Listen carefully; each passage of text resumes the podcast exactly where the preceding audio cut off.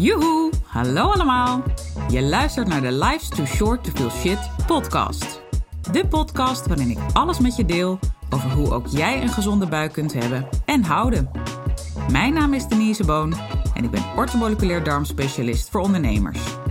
Hoe hou je de dierentuin in je buik onder controle, zodat jij de regie hebt over je buik en je alles uit je leven kunt halen wat je wil? Zoals knallen met je business, met energie voor 10. Ik neem je mee op reis, want let's face it, life's too short to feel shit. Aflevering 43 van de Life's Too Short to Feel Shit podcast. Leuk dat je weer luistert. In deze aflevering gaan we stilstaan bij wat je buikpijn je zegt. En dat ga ik denk ik vaker doen, dat ik een onderwerp eruit pak, veelal spijsverteringsgericht, ehm, en dat ik daar wat passages uit boeken van Christiane Beerland bij pak. Want wat ik heel boeiend vind, is dat zij kijkt naar wat is de emotionele achtergrond of oorzaak onder bijvoorbeeld jouw buikpijn. Want we kunnen natuurlijk puur alleen kijken naar het fysieke, wat we met labonderzoeken allemaal boven tafel kunnen krijgen. En als we dan inzoomen op de buikpijn, dan is dat bijna altijd een ontstekingsreactie in de darm. Uh, in welke fase dan ook, hè, want in meerdere gradaties te, uh, is dat er überhaupt en is het dus ook in kaart te brengen. Uh, maar, en dan kun je ook kijken van wat ligt daar fysiek aan ten grondslag, zoals als de dierentuin is ontploft, een parasiet die heeft weten aan te haken, overmatig giste schimmels, et cetera. Kan ook vanuit voeding komen overigens. Maar het kan dus ook zijn dat daarnaast, misschien zelfs wel daaronder, ook een emotionele blokkade zit. Iets wat je wegduwt en wat toch naar boven mag komen. We het ook even in de vorige aflevering een beetje over gehad met de osteopathie, aflevering 42. Um, en ik dacht, ja, dat is met veel meer dingen, hè, aan veel meer dingen te relateren. En toen kwam deze bij mij naar boven. Ik dacht, misschien is het wel leuk om te beginnen met wat je buikpijn je zegt. Of je kan zeggen, hè, want niet iedereen zal zich hierin herkennen. Ik ga zo ook een stukje uit haar boek voorlezen van Christiane Beerland. Als je haar nog niet kent en je vindt het heel boeiend, uh, zoek het even op. Want ze heeft hele mooie boeken geschreven, vind ik. Ook één, daar kijk ik nu naar, over uh, eigenlijk de psychologische. Kijk, wat staat hier nou letterlijk? Dan zal ik het even letterlijk voorlezen. Psychologische symbooltaal van de voedingswaren. En daar kun je dus bijvoorbeeld echt opzoeken. Hey, ik ben, ben bijvoorbeeld een chips lover en koffie. Nou, wat is daar dan de psychologische betekenis achter? Uh, hè, wat wil dat zeggen? En ook dat kun je natuurlijk weer zien vanuit de fysiologie, hè? dus vanuit puur anatomisch. Nou, je hebt meer zin in, in hartig als ik even die chips pak. Uh, dan zal je wel, hè, zullen je bijnieren het wel wat zwaarder hebben. Want als je meer zin hebt in, in zout, doe hem heel even op hoofdlijnen hier. Uh, dan is het eerder in die hoek. Is het meer zoet? Dan is het bijvoorbeeld wat meer de hè, gisten, schimmels, de dierentuin die te eten wil, wil krijgen. Los van heel veel andere oorzaken, don't get me wrong. Uh, bloedsuikerspiegel die uit balans kan zijn, et cetera. Um, dus zo kun je kijken, maar je kan dus ook kijken naar... hey, wat zegt die chips je? Wat, wat wil die je brengen hè, als je dat eet? Wat voor gevoel geeft dat onbewust aan je? En dat is meer, even hoe ik dat dan zie, wat Christiane Beerland in haar boeken deelt. En ze heeft heel veel boeken geschreven. En waar ik nu een stukje uit ga voorlezen is De Sleutel tot Zelfbevrijding. Um, een encyclopedie van de psychosomatiek. En daar heb ik ook heel kort iets over gezegd in de vorige aflevering met de osteopathie. Dat het mijn ervaring is dat uh, psychosomatische klachten, dus nou ja, onbewuste emoties die je dus wegduwt, maar die toch aan de oppervlakte willen komen uh, en zich daardoor kunnen uiten in klachten. Dat kan dus ook zijn in je rechterarm die pijn doet, dat is het bij mij met name. Het hoeft niet altijd te zijn dat je je emoties vasthoudt en letterlijk dus hè, obstipatie hebt. Als we even kijken naar uh, mijn line of business, kan op heel veel vlakken zich uiten. Maar hè, die psychosomatiek, dat is, vind ik een hele boeiende. En daarom dacht ik, ik ga ook even vanuit die hoek delen met je wat Christiane daarover zegt. Ik zeg dus niet dat dit de waarheid is. Ik zeg ook niet dat dit voor iedereen geldt. Ook hierbij weer, ik deel het met je. Jij gaat kijken of het überhaupt bij je resoneert, ja of nee. Misschien heb je wel nooit last van buikpijn. Nou, dan is deze sowieso niet voor jou. Maar kan het je wel aan het denken zetten van... hé, hey, maar ik heb wel een opgeblazen buik of hoofdpijn. Hé, hey, wat, wat zegt dat mij dan? Misschien leuk om dat eens verder te onderzoeken op dit vlak. Bijvoorbeeld met haar boek. En dat is open te slaan. Je mag mij ook er vragen over stellen. Want als het een onderwerp is waarvan ik denk: hé, hey, dat is voor meerdere mensen interessant. Dan uh, kan ik er nog een andere keer een podcast aan wijden. Dus feel free dat even bij me aan te geven. Nu dus uh, buikpijn en de uh, ja, onderliggende um, psychosomatiek achter buikpijn. Al dus Christiane Beerland, daar gaan we. Kernoorzaak. Je zit boordevol potentie, maar je ziet niet goed langs welk kanaal je energieën te sturen. Angst, je twijfelt aan jezelf, je twijfelt aan de weg die je genomen hebt, je krijgt geen echte greep op je situatie en je vertrouwt het leven niet helemaal. Bang voor het kwade, angst voor de dood, bang verkeerd te doen, onzeker, onveilig. Wat zal er gebeuren? Je ziet de zaken veel al zwarter dan ze zijn. Verwacht spoken of een boze juffrouw in de klas. Het beneemt je de adem. Je kan niet meer. Je normale energiestroom wordt gebroken in nervositeit. En dat laatste, hier eindigt ook de passage. Um, dat is iets wat ik veel bij klanten zie en hoor. Meer een beetje in between the lines. En dat nervositeit, dan kun je misschien denken aan, oeh, trillend als een riet op je, um, op je stoel zitten. Het ligt vaak wat genuanceerder.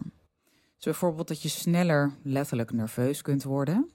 echt een beetje zo'n kramp in je buik kunt voelen. Want we hebben het nu over buikpijn, maar buikkrampen is eigenlijk een uh, overtreffende trap van buikpijn. Alsof het zo samenknijpt als een bal. Nou, dat herken je misschien wel als je iets heel spannend vindt. Ze legt ook de link met angst.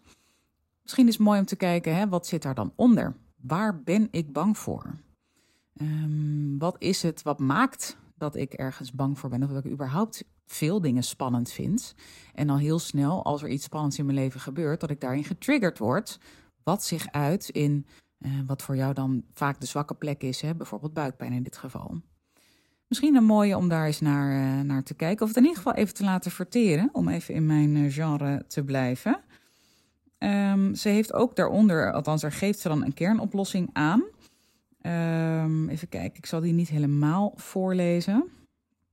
Nou, het begin zegt ze: Wees wakker en waakzaam in de realiteit. Maar wees niet bevreesd. Geloof in het goede en dit zal zich aan je openbaren.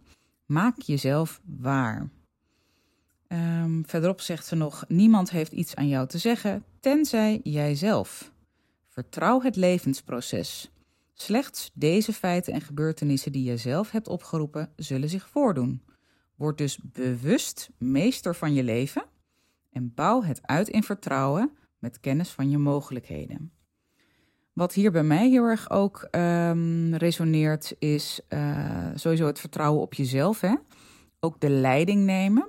Dus meer uit die reactieve rol en meer in de proactieve rol gaan zitten. Op welk vlak dat ook is. Hè? Uh, maar ook lief zijn voor jezelf. En uh, heel erg in het nu blijven. Want we kunnen zo snel doorschieten naar. Oeh, wat als er dan dat en dat gebeurt? Of uh, heel erg vanuit angst. Hè? Kijken. Um, als je, ja, het is toch meer kijken naar de toekomst.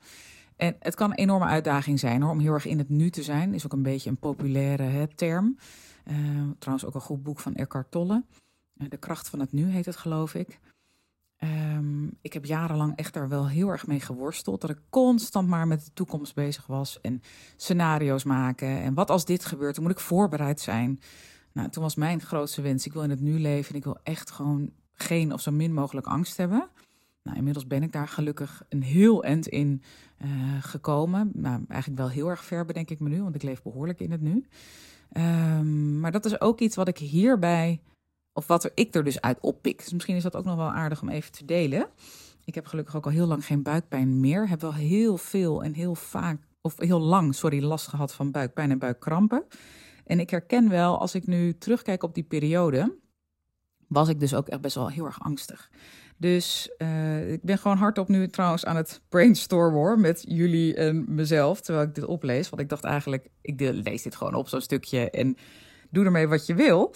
Maar in één keer denk ik, hé, hey, ik herken dit eigenlijk wel uit die tijd dat ik zoveel last had van mijn buik. En nou ja, dat de boel behoorlijk uit het lood was. En nu dus veel minder. Maar goed, was wel behoorlijke work in progress. Hè? Maar dat werk houdt natuurlijk nooit op, want we ontwikkelen ons continu. En dat is maar goed ook. Ik denk dat ik het voor nu hier even bij uh, ga laten. Um, ja, dat laatste stukje ga ik niet voorlezen, want ik wil het hierbij gewoon bij laten. Dus, uh, dus dat is het voor nu. Uh, en ik bedenk me wel, omdat ik net even dat andere boek van haar aanhaalde. Hè, die, uh, dat heet trouwens De Hoorn des Overvloeds, die over die voedingsmiddelen gaat. En de subtitel is de psychologische symbooltaal van de voedingswaren. Ik denk dat het misschien wel leuk is om daar af en toe ook wat uit te delen. Dus bij deze een oproep aan jou. Als jij bepaalde voedingsmiddelen hebt waar je heel erg veel plezier uit haalt als je dat eet, of heel erg een, een craving naar hebt, van oh, vrijdagavond of zaterdag uh, echt even dat wijntje.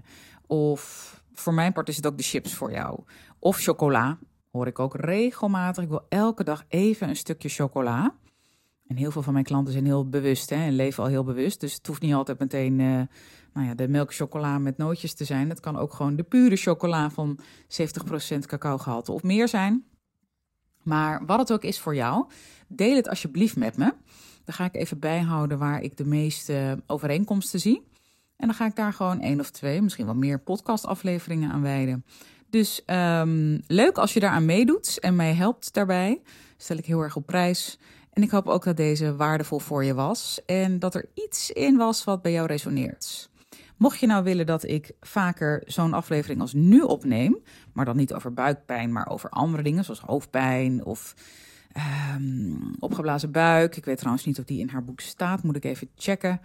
Of he, jeukende ogen, of überhaupt jeuk, of migraine, of eczeem zal er zeker ook in staan, of andere huidgerelateerde uh, problematieken. Um, hou me even te goed, hè, want ik heb nu doe ik het even uit mijn hoofd. Maar deel dat ook met me, want dan kan ik daar zeker ook nog uh, vaker bij stilstaan.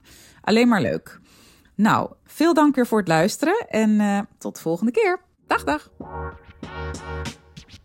Toppers, bedankt voor het luisteren. Leuk dat je er weer was. Smaakt dit naar meer? Abonneer je dan even op mijn podcast. Zo zorg je ervoor dat je geen enkele updates mist en dat jij volledig up-to-date bent over hoe jij je buik gezond houdt with fun and ease. En als mijn afleveringen waardevol voor je zijn, laat hem dan even weten. Vind ik leuk. Je maakt me het meest blij met een korte review via iTunes of Spotify. Alleen het aantal sterren aangeven dat jij de podcast waard vindt is voldoende. Je kunt me ook taggen via Instagram. Bijvoorbeeld door een screenshot te maken van de aflevering en die via je verhalen te delen. Met beide dingen, zowel de rating als de screenshot van de aflevering, maak jij kans op een histamine maandmenu kookboek te waarde van 97 euro. De winnaar maken we bekend in de eerste podcast van de maand. Tot de volgende keer!